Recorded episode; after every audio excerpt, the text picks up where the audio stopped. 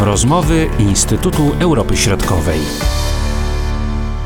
Marcin Superczyński, witam słuchaczy naszego podcastu. Pomimo protestów Białoruś uruchomiła swoją elektrownię atomową w Ostrowcu. Została ona zbudowana niedaleko granicy z Litwą i właśnie to państwo zgłasza największe wątpliwości związane z bezpieczeństwem. Nie są one bezpodstawne. Niedługo po otwarciu obiektu doszło w nim, jak poinformowała strona białoruska, do niegroźnego incydentu.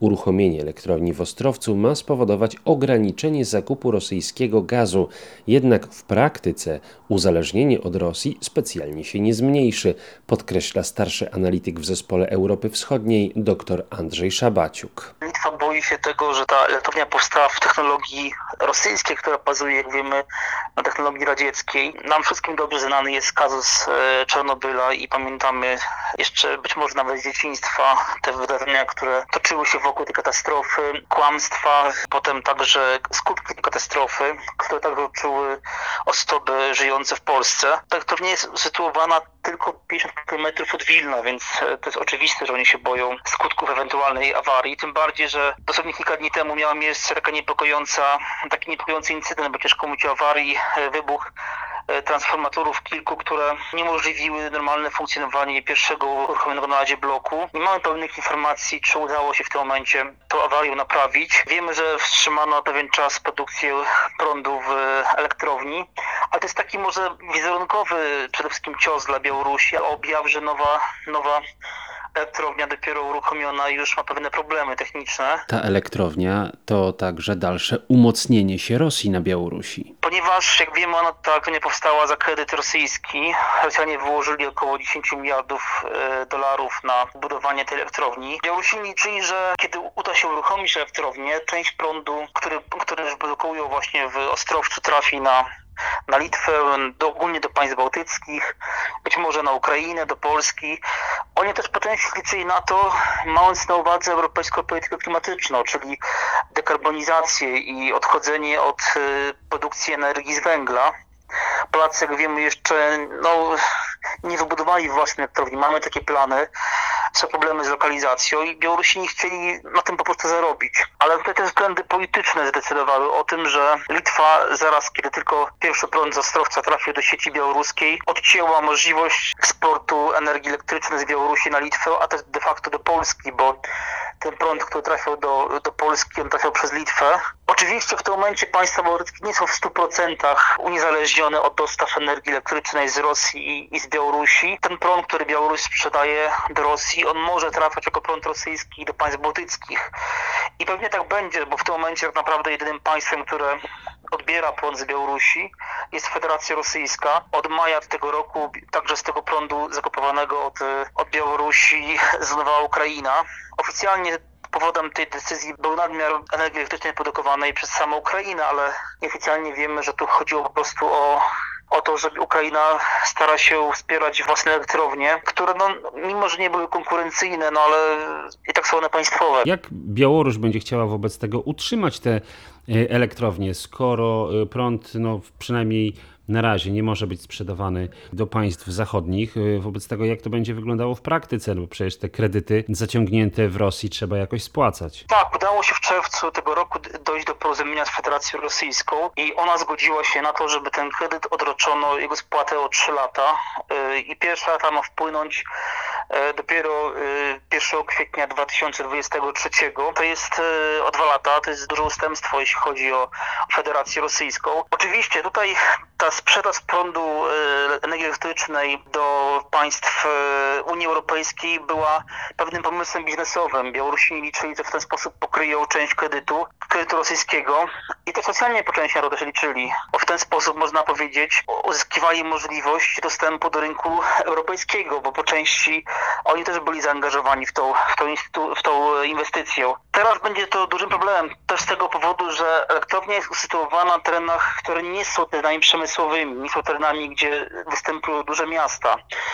Naprawdę y, bardziej logiczne byłoby usytuowanie tej elektrowni bardziej na wschód, w okolicach Mińska, w okolicach stolicy. I teraz, żeby osiągnąć efekt uniezależnienia się od dostaw rosyjskiego gazu, częściowego przynajmniej, Bo jak wiemy, do momentu wybudowania elektrowni jądrowej w Ostrowcu aż 90%, 95% e, energii elektrycznej na Białorusi produkowano z gazu ziemnego. Konieczne byłoby też stopniowe modernizowanie sieci przesyłowej i systemu produkcji energii elektrycznej na Białorusi, czyli zamykanie dawnych elektrowni gazowych, elektrociepłowni gazowych i zastępowanie ich tworzoną czy modernizowaną siecią przesyłową, co wymagałoby dość znacznych kosztów, tak? Łatwiej byłoby ten proces rozłożyć w czasie i opłacać go plus kredyty, które Białoruś zaciągnęła właśnie sprzedaży prądu na zachód. Białoruś skazana jest przede wszystkim na sprzedaż yy, nadwyżek energii elektrycznej do Rosji i Rosja może to cynicznie po prostu wykorzystać i,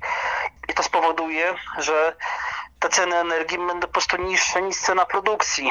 Jest jeszcze inny scenariusz, równie niekorzystny dla Białorusi, czyli po prostu obniżenie e, produkcji energetycznej przez elektrownię w Ostrowcu, ewentualnie też wstrzymanie uruchomienia drugiego reaktora.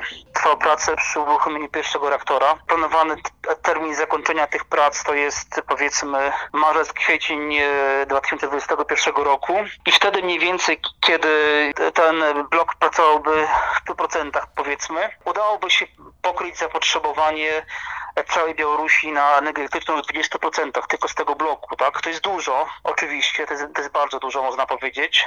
Jeżeli by ten drugi blok, y, który planowany, którego uruchomienie planowane jest na 22 rok, 2022 rok, to uruchomiony, to wówczas połowie udałoby się zaspokoić zapotrzebowanie Białorusi na energię elektryczną. Białoruś oszczędziłaby nawet 5 miliardów metrów sześciennych gazu, musiałaby mniej kupić od Rosji, ale w praktyce cała elektrownia jest zależna y, od, od, od rosyjskich specjalistów, którzy tam pracują, od y, paliwa jądrowego, które dostarczają rosyjskie firmy. Ten kredyt, który, o którym mówiliśmy, Białoruś miała spłacać go w wysokości 1 miliarda rocznie mniej więcej. Mhm. 1 miliarda dolarów. To jest bardzo dużo z punktu widzenia Białorusi. Kwestie bezpieczeństwa tutaj są bardzo istotne. Mówiliśmy o tym incydencie, do którego doszło w tej elektrowni. Czy można użyć jakichś zewnętrznych instrumentów, jakiegoś nacisku, aby y, po prostu bardziej weryfikować to, co się dzieje w tej elektrowni, no żeby jednak być bardziej spokojnym niż teraz. Powiedział taką standardową Białorusi, ale też e, władz Rosji jest stwierdzenie, że elektrownie ruskie są bezpieczne, że technologia rosyjska jest równie bezpieczna jak amerykańska czy francuska, więc nie ma żadnych obaw. Informacje o tym incydencie są bardzo lakoniczne i nie mamy pełnej wiedzy, co zostało uszkodzone, kiedy zostanie naprawione. To jest obiekt strategiczny. Białorusi nie miało zamiaru takiej informacji udzielać, ale oczywiście to nie jest jakaś wielka tajemnica, jak, jak takie elektrownie pracują, bo, bo znamy je z innych państw poradzieckich, czy z samej Rosji, z Ukrainy, więc ta technologia jest dobrze znana ogólnie w Europie i ona jest postrzegana jako technologia niebezpieczna. Oczywiście widzimy w skali całego świata, że po katastrofie elektrowni jądrowej w Fukushimie. Ogólnie cały świat z takim dużym dystansem odnosi się do produkcji energii z atomu, ale z drugiej strony są państwa jak Francja, gdzie większość e, energii na rynku pochodzi właśnie z elektrowni atomowych, więc no, ja myślę, że większym zagrożeniem tak naprawdę niż zagrożenie wywołane potencjalną katastrofą. Jest jednak to, że ta elektrownia e, wzmocni wpływy rosyjskie na Białorusi, a wszystkim ten kredyt, który Rosja udzieliła Białorusi, może doprowadzić do, do tego, że Białoruś, która nie będzie w stanie spłacać kredytów, z, będzie zmuszona sprzedać na przykład część swoich kluczowych aktywów, na przykład rafinerię, ewentualnie właśnie samą elektrownię jądrową. To może być taki, taki jeden z elementów ułatwiających Rosji podporządkowanie sobie Białorusi i wchłonięcie Białorusi w przyszłości. Mówił dr Andrzej Szabaciuk. Marcin Superczyński. Do usłyszenia. Były to rozmowy Instytutu Europy Środkowej.